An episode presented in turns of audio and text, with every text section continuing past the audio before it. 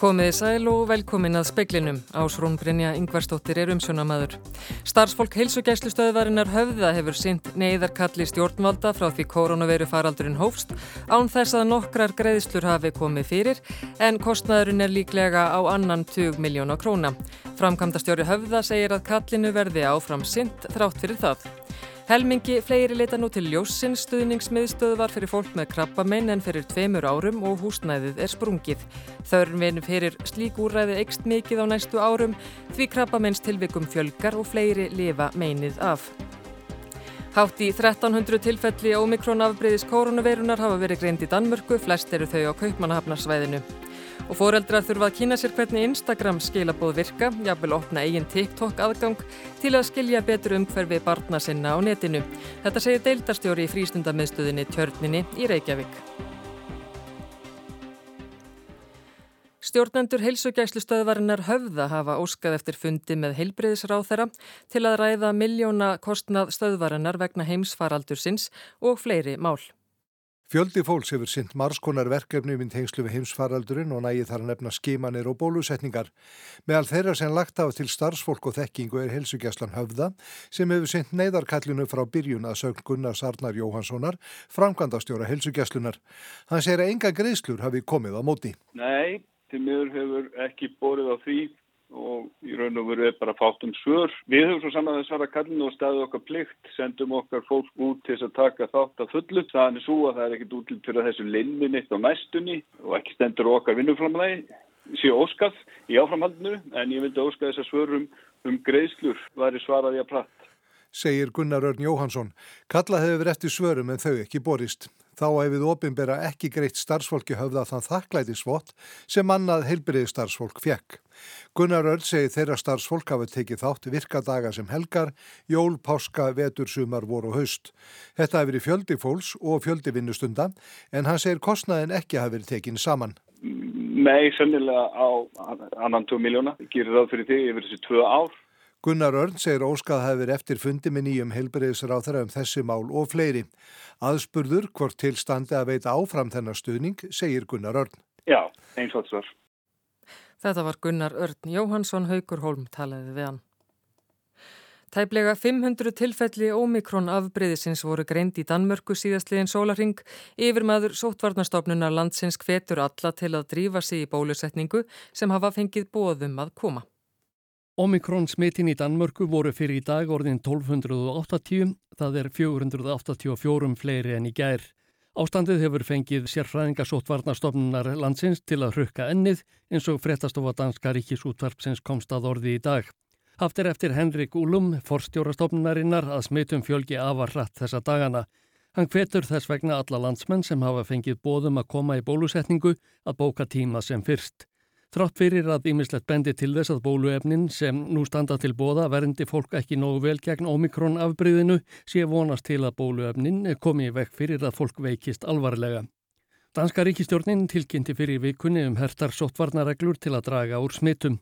Fólk sem fer á veitingahús þarf að hafa hlýðargrímu og geta sannað að hafa verið bólusett. Veitingahúsum, börum og skemmtistöðum á að loka á miðnætti. Grunnskólanemmendur verða sendir í jólafrí á miðvíkudaginn kemur 15. desember og stemtir að því að bólusetja sem flesta áður en skólar hefjast að nýju eftir áramót. Ásker Tómasson sæði frá. Reymond Jóhansen, formaður borgaráðs í Ósló, höfuborg Noregs er smitaður af koronavirinni. Hann tilkynnti þetta á Twitter í dag. Þar hvaðist hann vera við góða heilsu en verður í einangrunn þar til heilbriðistarfsfólk telur óhætt að hann mæti til starfa á ný. En liggur ekki fyrir hvort hann er smitaður af ómikrón afbriði veirunar. Reymond Jóhansen hefur stýrt baráttu borgari yfirvalda í Ósló við farsóttina og almennt þótt standa sig vel. Hann átti fund með fréttamönnum í ráðhúsi borgarinnar á þriðju dag um hertar reglur vegna fjölgunar veirusmita. Eftir að hann reyndist smitaður sjálfur skoraði hann á alla sem voru á fundinum að fylgjast vel með heilsunni og fari próf til að kanna hvort þeir hefðu smitast. Tveir skamtar af bóluefni duga ekki til að verjast omikrón afbreyði koronaveirunar en líkurnar aukast um 75% með þriðja skamtinum. Þetta eru niðurstöður breskra vísindamanna sem skoðuðu 581 síni ómikrón afbreyða og þúsundir sína frá sjúklingum sem greinst höfðu með deltaafbreyðið. Fréttavefur BBC greinir frá þessu. Mari Ramsey, yfir maður bólusetninga hjá Bresku Hilbreyðisöryggistofnuninni, segir að taka beri niðurstöðanum með fyrirvara. Það er gefa til kynna að nokkru mánuðum eftir að fólk fær aðra bólusetningu sé meiri hætta á að smitast af ómikronafbreyðinu en deltaafbreyðinu. Hún hvetur fólk til að láta bólusetja sig sem allra fyrst. Gæsluvarðald verður ekki framlengt yfir Karlmanni sem er grunaður um að hafa nöðgað 14 ára gamalli stúlku um síðustu helgi. Maðurinn sem er á færtugsaldri átti samskipti við stúlkuna á samfélagsmiðlum. Hann sótti hann á laugardagskvöld og hjælt henni í bíl sínum í þrjár klukkustundir þar sem hann nöðgaði henni og beitti öðru ofbeldi. Maðurinn var úrskurðaður í gæsluvarðald til dagsins í dag. Hjá kynferðisbrota deildinni fengust þar upplýsingar að ekki væri talið að rannsóknarhagsmunir krefðust framlengingar. Andrea Marel, deildarstjóri unglingastarfs hjá frístundamiðstöðinni Tjörninni í Vesturbæ Reykjavíkur, segir tiltölulega algengt að krakkar lendi í óþægilegum kynferðislegum atvikum og áreitni á netinu og hvetur krakka til að leita til fullorðina þegar slíkt gerist. Við verðum oft vitna því að þau er að reyna að taka málinn í sín einn hendur, reyna að leysa þau sjálf með vinum sínum og upplifa sér einhvern veginn ekki trista sér til að leita til fullorina því að þá kannski gæti komið svona skömm á þau eða að uh, þau hefði átt að vera öðruvísi á samfélagsmiðlum eða ekki hafa opinn uh, Instagram aðgangi eða TikTok aðgangi eða eitthvað og það er oft það sem að stoppar þau í að leita sér aðstofar. Sagði Andrea Marel, rætt verður nánar við hana síðar í speklinum. Ásmundur Einar Daðarsson nýr ráð þeirra íþróttamála segist aðspurður um nýja skýslu varðandi mál KSI að hann telji skýsluna unna af heilindum. Hann segir að mikilvægt skref hafi verið stíið þegar nýr samskiptaráðgjafi íþrótta og æskuliði starfs var ráðinn en til hans á íþróttarhefingin að leita þegar kynferðis og eða ofbeldis, ofbeldisbrot koma upp. Hann segir líka mikilvægt að samfélagi taki vel utanum íþróttalífið í landinu í kjölfar þessarar skýslu. Ég ætla kannski ekki að setja mig eitthvað dómar að sæti í því en, en mér finnst uh, KSI hefur nú fylst uh, þeir einstaklingar sem unnu þessa skýslu. Ég hef enga ástæð til þess að ætla annað en að þeir séu hafi gert það fullum heilindum og heiðarleika og öll gögn hafi þar verið opnuð. Uh, þannig að það sem ég dreg af þessu er mikilvægast er að við lærum og við séum tilbúin til þess að ebla þetta nýja embætti, uh, samskipta fulltrúa sem, að, sem allir geta leita til og að það sé, það sé það fái þann sess og það mikilvægi sem það þarf að fá í, í, í, í stjórnsýslunni. Sagði ásmundur Einar Daðarsson. Tæplega 20% færri lagsar voru veitir á stöng á þessu ári með að við árið í fyrra. Formaður landsambands veiðifélaga hefur áhyggjur af stuðinni. Hafrannsóknarstofnun byrti í gerð bráðabyrðatölur fyrir stangveið á lagsi sumarið 2021. Þar kemur fram að hildarfjöldi stangveitra lagsa á árinu var rúmlega 36.000 fiskar sem er um 19,5% mingun frá árinu 2020. Ef rýnt er í einstaka landsvæði má sjá að aukning varð á veiði í ám á Reykjanesi, Vesturlandi, Vestfjörðum og Norðurlandi vestra. Á Norðurlandi Istra, Östfjörðum og Suðurlandi dróst veiðin hins vegar saman. Jón Helgi Björnsson er formaður landsambandsveiðifélaga. Já, þetta var nú svona ansi erfitt veiði ár. Þetta höfum við svona áhugjur að þessu. Það er nú kætt að leta því. Þetta er nú svona bara með náttúrun að hún sveiblast og maður hefur aldrei valda á henni. Þannig að ég held að sé nú að natrið þessu bara umgangast þess að stopna með hófsemt. Í skýslunni kemur fram að aldrei hafi veist fleiri hnúðlagsar í ám hér á landi en endarlega tölur leikja ekki fyrir. Við lítum á hvað sem ágefni. Þetta er svona, já við hefum séð það allavega í Nóri þar sem getur orðið mjög margir. Þannig við hvetjum nú menn svona til þess að reyna að fækka þeim eða komast í tæri við á. Sagði Jón Helgi Björnsson, Óðinn Svan Óðinsson tók saman. Eitt COVID-smitt greindist í 531 síni á Östurlandi í gær. Næstu tvo daga og undan höfðu greinstæplega 39 smitt á Östurlandi. Flest voru smittin í fjörðabegð. Samkvæmt upplýsingum frá aðgerðastjórn vegna COVID á Östurlandi segir að enn sé verið að ljúka yfir ferð á sínatöku í gær en ekki er þó gert ráð fyrir að staðan breytist. Einn af hverjum 20 íbúum Östurlands fór í skimun í gær. Óvisa ríkir um hvernig viðrar til flugs á morgun og því verður ekki bóðið upp á sínatöku þann, þann daginn. Á sunnudag verður hins vegar opið í sínatöku á reyðarferði og á eigilstöðum. Skólahald fjall niður í grunnskólunum á Eskifyrði og Reyðarfyrði og í leikskólanum Lingholti vegna smitana sem greindust í vikunni. Skólahald hefst aftur á mánudagin börn og nefendur sem er í sótkví verða að mæta í og býða eftir niðurstöðu úr annari sínatöku áður en þau mæta í skólan. Fóreldrar þurfa að kynna sér hvernig Instagram skilabóð virka, jafnvel opna eigin TikTok aðgang til að skilja betur um hverfi barna sinna á netinu. Þetta segir Andrea Marel, deildarstjóri unglingastarfs hjá frístundamiðstuðinni Tjörninni í Vesturbæ Reykjavíkur. Hún hefur um árabil farið í skóla og félagsmiðstöðvar og frætt börn og úlinga um samskipti og mörg á samfélagsmiðlum. Sigriður Hagalín Björnstóttir rætti við Andreu í dag meðal annars í tengslum við alvarlegt kynferðisbrótamál gegn 14 ára stúlku sem greint var frá í gær. Við fengum fréttir af þessu máli í gær þar sem að, að 14 ára stúlka verðist hafa lendi því að lendi samskiptum við fullorðin mann á samfélagsmiðlum og, og, og hann notfæri sér samskiptið þeirra til þess að, að brjóta á henni og, og nöðganum síðustu helgi. Þú ert búin að vera að fara, eh, halda námskeið eða fræðslu fyrir krakka eh, um samskipti og, og hegðun og hættunar á samfélagsmiðlum er algengt að krakkar lendi í aðstæðum á samfélagsmiðlunum sem þau ráða ekki við og jafnvel einhverju svona hræðilegum? Uh, sem betur fer þá hef ég ekki heyrt af, af svona hræðilegum hlutum uh, áður í tengslu við þessa fræðslu sem við hefum verið með sem betur fer og þetta er alveg hræðilegt að heyra. En uh, við höfum fengið vísbendingar um og, og upplýsningar um að þau Eh, sum börn og úlingar hafi lendi í óþægilegum aðstæðum og fengið sendt til sín skilabóði í kynferðslegum tilgangi eða myndefni eða link á efni eða annað sem að, sem að kemur þeim úr jafnvægi og þau upplifa sér stundum ekki hafa neina uh, nein verkfæri til að uh, bregðast við í rauninni nema blokka sem að gerist þá eftir að skilabóðin hafa verið sendt. En þetta er bara því miður raunveruleiki sumra en lang flestir er í góðum málum og, og geta átt í heilbriðum og, og uppbyggilegum samskiptum á netinu. Hvaða samfélagsmiðlar eru þetta fyrst og fremst þessum svona uh, krakkar lendi þessum aðstöðum? Þau eru í samskiptum á svo gríðarlega stórum vettvangi að við höldum stundum að þetta sé bara, ef við fóreldrar höldum stundum að þetta sé bara Snapchat og Instagram sem að sem að uh, geti opnað á leiðir til ókunnura að ná til þeirra en það er bara alls ekki. Þau eru strax byrjuð í Playstation Network bara mjög snemma. Þau byrjuð að spila við vinni sína þar og, og þá opnast svona heil heimur og líka bara leikir sem þau spila mjög snemma, bara Roblox og aðrir svona einfaldir símaleikir hafa samskipta möguleikan, möguleikan á þessum, þessum uh, samskiptum við ókunnu át í heimi og það í rauninni uh, já, er þetta á svo mörgum stöðum að það er bara okkar að, að undibóðu kannski svolítið fyrir þennan veruleika og að gaggrina hugsun, reyna að ebla hana hjá þeim.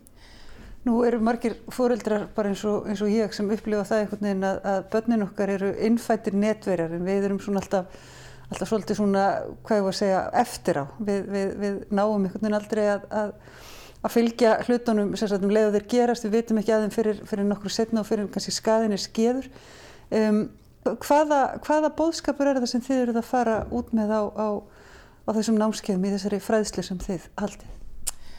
Uh, við tölum við krakkana bara um þann veruleika sem að, sem að byrtist okkur því að uh, börn og úlingar hafa verið að senda okkur skjáskott og, og segja okkur frá uh, málum sem hafa komið upp þar sem að þeim finnst hafa verið farið yfir sínmörg og líka þar sem þau hafa farið yfir annara mörg. Þannig að við erum í rauninni að ræða virðingu í samskiptum og mörg og hvernig þú getur vita hvort að hinn aðilinn sé tilbúin í það sama og þú.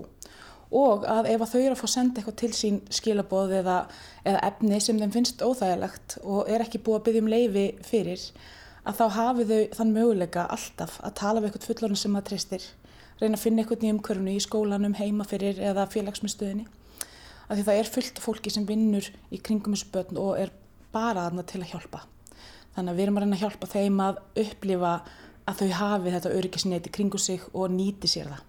Við nefnilega verðum oft vitna því að þau er að reyna að taka málinn í sín einn hendur, reyna að leysa þau sjálf með vinum sínum og uh, upplifa sig einhvern veginn ekki trista sér til að leita til fullorina því að þá kannski geti komið svona skömm á þau eða að uh, þau hefða átt að, að vera öðruvísi á samfélagsmiðlum eða ekki hafa opin uh, Instagram aðgangi eða TikTok aðgangi eða eitthvað og það er oft það sem að, sem að stoppar þau í að leita sér aðstöðar eða bara uh, vera efins og spurja ykkur, byrja ykkur um að meta þessar aðstæður með sér áður en þau halda áfram. Og fóreldra þurfa líka kannski bara að vera dugleiri að, að ræða þessi, ræða þessa hluti við börnum sín og beða þau um að sína sér hvað þau eru að gera. Já, svo sannarlega. Við fullorðna fólki, við eigum það til að frí okkur svolítið af þessu að því við þekkjum ekki vettvangin nógu vel. Við, það kemur alltaf eitthvað nýtt og þetta TikTok og þetta, þetta og svona við, við fjarlægum okkur frá þessu og bara látum alls að við getum ekki komist inn í heiminn en við þurfum, við höfum það ábyrg, við þurfum að kynna okkur þetta. Við þurfum bara að opna okkar eigin TikTok aðgang eða fylgjast með hvernig Instagram skilabóð virka eða annað bara til að geta átt í samræðan við börnun okkar um þessi mál sagði Andrea Marel, Sigriður Hagalín Björnstóttir talaði við hana.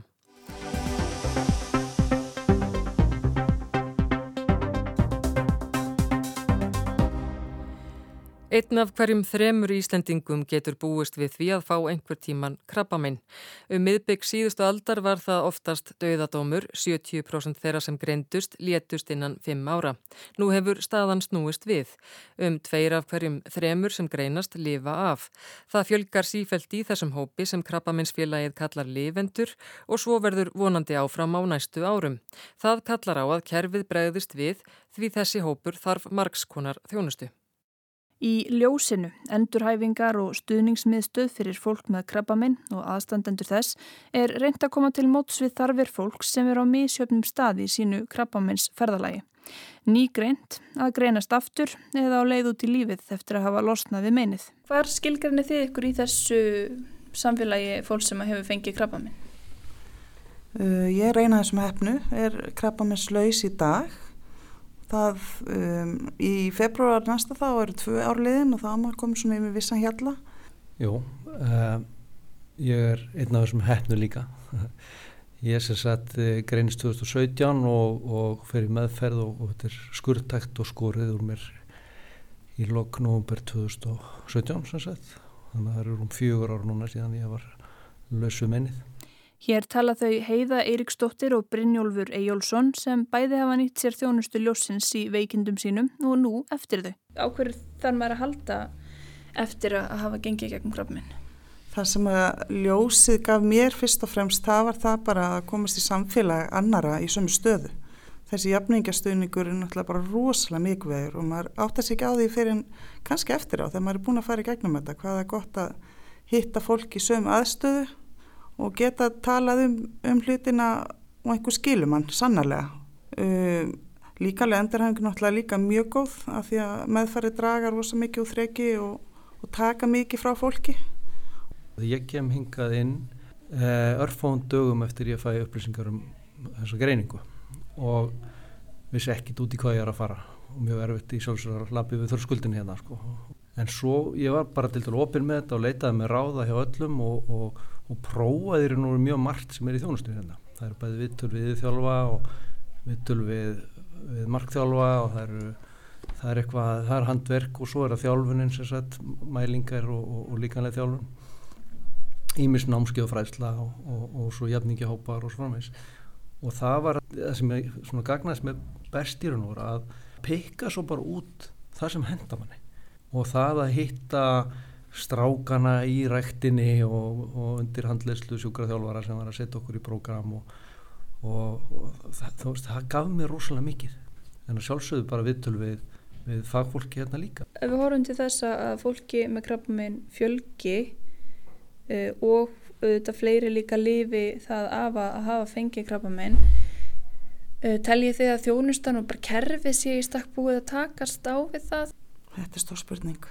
Um það er já og nei, það er marga brotalamir í kerfinu og, en þar sem maður kemst að þar er vel tekið á mótumanni og fagfólk. En það er svolítið erfitt ofta að koma stað og mikið bara mikið að gera. Eins og, eins og bara nýra krafna steilt veist það er að setja, þú ert að byggja eftir að komast í liða með fyrir stólunum.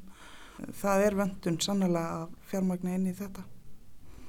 Það mætti kannski vera meira upplýsingaflæð á milli stofnana að við séum að hjálpa stað að beina fólki réttan farveg ég upplýði það svolítið í, í mínu og ég þurfti svolítið sjálf að fara á stúfun og finna hvað hendaði mér. Það var enginn sem að kannski beindi mér í það átt sem að, að fara í ljósið eða í kraft eða þau úrraði sem er í bóði að ég þurfti svolítið að leita því sjálf. Ég upplýði það þannig að eftir greiningu fer ég strax af stað í meðferð. Það er engin byggð engin skortur á einhverjum livjum eða neitt slikt meðferðin beint í gang og, og prógramið, og ég fyldi prógraminu bara nákvæmlega eins og það var sett upp í upphafi þannig að varandi landsbytalan fekk ég bara mjög góða þjónust bæði, bæði viðmót starfsfólkarna frábært og, og líka bara fagleg heitin sem maður upplýði þarna sko. Og svo ef við horfum á, á endurhefingan henni í ljósinu sko, þá náttúrulega fekk maður alveg þjónustu sem að, sem að maður hefur verið að bera saman við önnu lönd og, sem er bara ekki til staðar annar staðar eins og Norrlandum þannig að ég líti á við sem bara heppin sko Og þetta hugtak sem að nú er talað um lifendur, tengiði stert við það? Hvað finnst ykkur um, um það að tilheyra hópi lifenda? Uh, ég hef bara reynilega ekki hugsað út í það þannig með mig Uh, ég var eitthvað nefn það heppin strax að það leiti alltaf út fyrir að þó maður veit aldrei krabba meinir ólíkjönda tól og getur tekið upp á eimsu en uh, ég varð aldrei ásæðilega hrættum að vera degjandi Tengið þú við þetta að tilheyra hópi sístækkandi hópi lífenda? Uh, jú, maður tilheyra þessum hópi visslega en ég, hérna, ég pæli bara eiginlega ekkert í því Af frásögnum heiðu og Brynjóls að dæma er margt gott en ein af stóru áskorunum er að tryggja áfram góða þjónustu. Krabbaminsfélagi spáir því að krabbaminstilvikum fjölgi um þriðjung á næstu 15 árum, engum vegna hækkandi meðalaldur stjóðarinnar og fleiri læknast af meininu og þurfa endurhæfingu og stuðning. Heildstæð krabbamins áallun til ársins 2030 var samþygt árið 2019 en krabbaminsfélagið gaggrinni stjórnvöld fyrir að hafa ekki virkjaðana. Ljósið stendur við langkolsveg í Reykjavík, þángað sækja nú 500 til 600 þjónustu á mánuði. Þannig það er alveg gífilegu fjöldi og mikið álag hérna á okkur. Segir Erna Magnúsdóttir, yðjúþjálfi sem hefur yfir umsjón með starfinu. Nýlega var einni opnið landsbyðardeilt til að minnstakosti tveggja ára sem veitir fólki um allt land aðgangað þjónustu ljósins í gegnum fjárhelbriðisbúnað. Ljósið er skilgrend sem helbriðistofnun og á í nánum tengslum við aðra slíkar. Þánga eru allir velkomnir og það þarf ekki tilvísun frá lækni. Erna síndi speiklinum húsakostin. Hér er bara að hugsa svolítið svona kósi svæðið þú kemur inn, kaffúsastemning, að þú finnst þér ekki verið að fara inn á stofnun heldur að fara svona inn á, inn á fallit heimili. Fólk kemur inn að fæ sér kaffi eða að býða eftir að fara í viðtöl eða, eða í ræktina eða í heilsunutti eða eitthvað svo leið sem er að fara að koma í hérna í húsinu. Mm -hmm. Þetta er hús á þremur hæðum, gammal landsbanki og við erum, notum hvern einasta fermetri hérna í húsinu. Hér eru komin upp á erstu hæðina. Hér inni er jóka og núna er slökunarjóka hérna inni. Hér eru með skrifstofunar okkar og, og viðtalsherbyggi og þú getur farið í viðtal hjá yðjúþjálfa, fjölskyldumæðferðarfræðingi, sálfræðingi, næringafræðingi, markþjálfa. Og svo erum við með heilsunuttar að þeirra störfum hérna. Núna, það eru tvö herbyggi hérna með heilsunutti og annað er líka, það er snirtistofa, kemur snirtifræðingur alltaf verið sinni viku. Því að margir missa augabrúnir og húðin verður erfið og hérna verður hjálpaði með það. Þú segir að það nýtist hver fermetir og, og, og það er mikil aukin ásokn í, í að komast hingað. Já, frá árinu 2020, bara í byrjun ások 2020, það eru orðið 50% aukning eða frá með árið 2019 kannski segja frekar Já. það er bara mikil vakning í þjóðfélaginu og meðal helbrið starfsfólks að það sé gott að senda fólk í endurhængu og það sýnir sig að fólk sem fyrir endurhængu það er meira tilbúið til þess að fara aftur út í lífið sitt og, og fara að vinna aftur eða leita sér að nýri vinnu eða hvernig sem það er að fara í skóla og sinna tómstundunum sínum áhuga málum því að við erum með mjög fjölbrytta daskra sem að allt miður að því að gera einstaklingin sem sjálfstæðan á ný eftir veikindi. Og fólk kemur hérna, það er ekki bara endurhæfing, fólk kemur hérna jáfnvel bara um leiðu það er búið að fá greiningu. Já, og núna er það bara orðið þannig og allar ásagnir sína það, því fyrr sem fólk kemur því betra og það kemur stundur bara beint frá lækninum og þá erum við að veita því áfalla viðtöl í rauninni sko. Og fólk kemur, það kemur í dasgraliði hér en stundu kemur að líka bara að hitta náungan að fá sér kaffsopa eða að fara í hátegismatin, við erum alltaf með hátegismat hérna, allt elda frá grunni og svona grænmitsfæði en það er í raun líka liður í endræðingunni því að endræðingin er líka félagsleg. Þetta er andleg, líkamleg og félagsleg endræðing, það getur sagt að það sé svona 360 gráður þar sem við erum að bara skoða alla þætti í mannlegu lífi í rauninni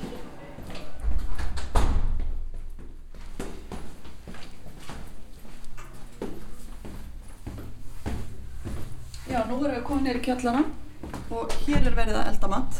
Mm -hmm. Allt elda frá grunni, svona heilsusamlegt lasagna í dag og, og, og græmiti og heimabökubröð. Já, maður er bara svangur. Svo er hérna leirverstaði, hér er fjörið sko. Og í handverkinu erum við svolítið reyna að gleyma krabbaminn, er það ekki starfur? Það er bara svona skapa á... Ekki, þetta vorum við að tala um jólamatinn. Já, þú vorum að tala um jólamatinn, já. En, en, en, en veist, ef einhver þarf að tjá sig þá er það ekki barnað skiljið en hérna, við erum svona að reyna, að, já, svona í góðu þegar þeir fannir að þekkjast og treysta hver annari. Ég sé það er um, vel veitt hér á þessu borði. Við tölum bara aðeins um, um fjármögnun starfseminnar og, og framtíðina. Sér fyrir þér að þið ráði við þessa aukninga því fólk náttúrulega sækir meira í endurhæfingu en svo tilvikum líka fara að fjölga. Já, nei við ráðum ekki við það, ekki með þessu fjármagnu sem við erum með í dag. Við erum samt afskaplega þakklátt að á 15 ára starfsamælun okkar þá komumst við á fjárlög og fáum sagt, um 220 miljónir ári og það er svona launakostnæður í rauninni. En við þurfum náttúrulega að bæta við fagfólki og bæta við starfsfólki að því að hérna, það er svo mikið laukning hjá okkur, 50% núna á teimur árum. Plús það að húsnaðið er sprungi í rauninni þó sem við höfum stekka við það. Að þá hefur við hérna, gert það í vetur að, að leia eina hæð í Langólskirkju þar sem við getum verið með bæði viðtölu og námskeið því að það er allt sprungi hér. Þannig við erum ennþá að byggja til hérna, helbriðsíðu valda að styrkja okkur enn betur. Já, það er svona kannski ákveðin útskriftar þrýstingur núna út af þessari fjölgun. Já, það er svolítið útskriftar þrýstingur. Við, við þurfum að hafa gott flæði í gegn til þess að geta synd öndlum því að við viljum ekki vísa fólki frá. Þannig að hérna, já, það er aðeins meiri þrýstingur á það mm -hmm. og við viljum náttúrulega gætna klára endurhaga fólk svo að komist í sitt fyrir að líf, sko. Hér er sennilega að enda hópur og byrja nýr hópur, er það ekki? Já, unga fólki kemur hérna klukkan 11. Við skiptum þeim niður, þú veist bara, leifum þeim að vera svolítið sér. Það er öðruvis að vera kannski 25 ára með lítið börn eða að vera 65 ára skiljur að vera hægt að vinna. Háttegin er svona spinningtímar og mikið stuð. Þurfa þau að borga eitthvað? Mjög lítið. Já. Við, það er nánast allt ókips hérna hjá okkur. Öll viðtöl, öll námskeið, öll, öll þjálfuninn. Og fólk lifir lengur en áður eftir að hafa grænst með krabbameina jafnaði. Fleiri lifa þetta af. Er þetta hópur sem þarf þjónustu og stuðning kannski bara það sem eftir er eða? Sko, já það eru fleiri sem lifa með sínu krabbameini sem betur fer því að þá tæknin og lifin er miklu betri. Hér hjá okkur þá eru við með svona hámarstíma hvað það geta verið lengi en það eru margir sem glýma við síðbúnar afleggingar og í raun þurftu þau þjónustu bara út lífi. Það eru alls konar skerðingar sem það verða fyrir og það er kannski enginn sem tekur beint á því í dag en draumur okkar er að geta sérst, verið með deilt fyrir fólk með síðbúna afleggingar. Hvernig byrtast þessar síðbúnu afleggingar? Þetta geta verið dóði í fingrum og fótum, þetta geta verið verkir, þetta geta verið síþreita, framkvæmdaleysi, einbeitingaskortur, glemni og það er bara svo margt sem að gerist og svona bara fólk er verkjað um allan skrokkin og, og, þó þú sér það með, alla þessa kvilla þá ferð þú ekkert bara aftur í daglegt líf. Þú þurftir að fá meiri aðstóð Sagði Erna Magnúsdóttir, Arnhildur Háldanardóttir tók saman. Veðurhorfur hægleitis veður en gengur í austan og suðustan kvassviðri eða storm með rigningu í nótt fyrst siðist. Hægari og úrkomi minna síðdeis á morgun, hlínar í veðri. Og það var helst í speklinum að starfsfólk heilsugæslustöðvarinnar höfða hefur synt neyðarkalli stjórnvalda frá því koronaviru faraldurinn hófst án þess að fá greitt en kostnaðurinn er líklega á annan 20 miljóna króna. Framkvæmdastjóri höfða segir að kallinu verði áfram synt. Helmingi fleiri leita nú til ljósins, stuðningsmiðstöðvar fyrir fólk með krabbamenn en fyrir tveimur árum og húsnæðið er sprungið. Þörfið fyrir slík úræði eikst mikið á næstu árum því krabbamennstilvikum fjölgar og fleiri lifa meinið af. Hátt í 1300 tilfelli ómikrón afbreyðis koronavirunar hafa verið greindi í Danmörku. Fleira er ekki spekli kvöldsins, tæknimaður var Magnús Þorstein Magnússon, veriði sæl og góða helgi.